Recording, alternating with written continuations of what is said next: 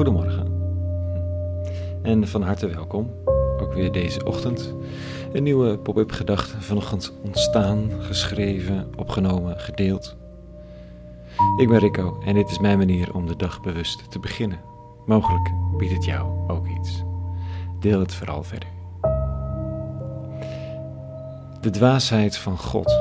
Pop-up gedachte vrijdag 28 augustus 2020.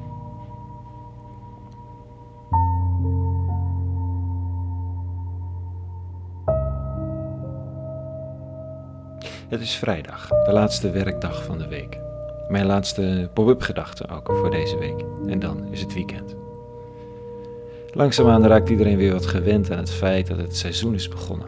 Al is het moeilijk om werkelijk gewend te raken, vooruit te kijken, te plannen, want we hebben geen idee wat het seizoen gaat brengen. Gaat er met de herfst weer een nieuwe lockdown beginnen? Sommigen verzekeren van niet, anderen van wel. Welke impact gaat dat hebben op een toch al wat verdeeld volk? En wat brengt november, de verkiezingen in de Verenigde Staten? We zijn op een stevig stuk ijs gestapt, maar hoe lang het houdt, of de breuklijnen die we zien zich verdiepen of dat het stevig genoeg zal blijven, zal het smelten richting de winter? Oké, dit beeld is wel beperkt. Uh, of zal het zich juist verstevigen? Niemand die het weet. Dat is op zich nog allemaal niet zo problematisch. Behalve dan dat de meesten van ons gewend zijn meer te weten, steviger te staan, wel te kunnen plannen. Voor de vluchtelingen die ik spreek is het niets nieuws. Zij kunnen soms al jaren niets voorspellen. En zijn soms een speelbal van ondoorzichtige democratie, de luimen van de politiek, van vrijwilligers, van hulporganisaties en kampenbewakers. Zij moeten in al die chaos een innerlijke kracht ontdekken om te blijven staan. Voor Europeanen is het anders. De luxe van de omstandigheden is veel groter. De ervaring met onzekerheid voor de meesten, ook voor mij, is een stuk kleiner. En dan lees ik de oude profeten. De oproep aan een volk vele eeuwen geleden. De ene keer is er oorlog, de andere keer vrede. Dan wordt er van die kant aangevallen. Dan wordt er ergens anders een complot gesmeed. Dan weer wordt er van binnenuit gekonkeld. En dan is er weer een natuurramp die het leven eindeloos ingewikkeld maakt. En elke keer reageert de mens, je moet wel. En elke keer zijn daar de profeten. Die vragen om maar één ding.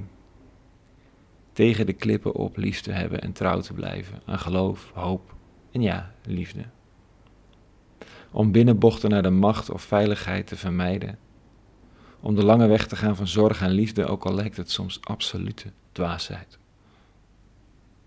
En in dat alles spreekt de dwaasheid van God zelf. Is God een dwaas? De stemmetjes in mijn geweten, gevormd door jaren luisteren, lezen, bidden, eerbied, die roepen allemaal nee, natuurlijk niet. En toch, dit staat er vanochtend. De dwaasheid van God is wijzer dan de mensen. En de zwakheid van God is sterker dan de mensen. Je zou zo kunnen zeggen, ja, God dwaas. Nou ja, niemand is zo dwaas als God. En laten we dat spoor volgen. Wat maakte de Almachtige, de eeuwige, de ongeziene, onbekende, liefhebbende macht achter dit alles eh, tot een dwaas, volgens de overleveringen? Dat is niet mijn oordeel, hè? de eeuwige op de divan leggen en dan beoordelen of hij of zij of het een, een dwaas is. Niet mijn idee. Maar wat zegt de tekst dan? Wat zeggen die profeten? Natuurlijk is God ook een dwaas. Een dwaas vol liefde, die het uithoudt met mensen die in al hun optimisme en vooruitgangsdrift de aarde leegzuigen, eh, arbeid outsourcen en dan denken dat de slavernij die daaruit komt ongezien blijft en dus niet erg is. Natuurlijk is het dwaasheid om te denken dat de mens kan veranderen.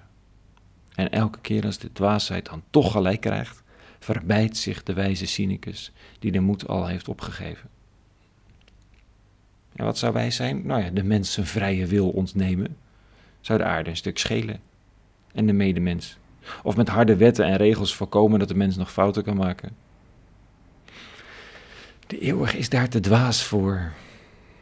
En dan blijken er steeds weer mensen in het hart geraakt te worden. In de donkerste van alle omstandigheden blijken er mensen te zijn die hoop, geloof, moed en liefde hoog houden. En dan is de dwaze God gelukkiger dan de wijze mens. Want zijn dwaasheid blijkt sterker. Zijn zwakheid, het zwak dat hij heeft voor de mens, blijkt sterker. En de vraag is eigenlijk of die eeuwige dwaasheid navolging vindt.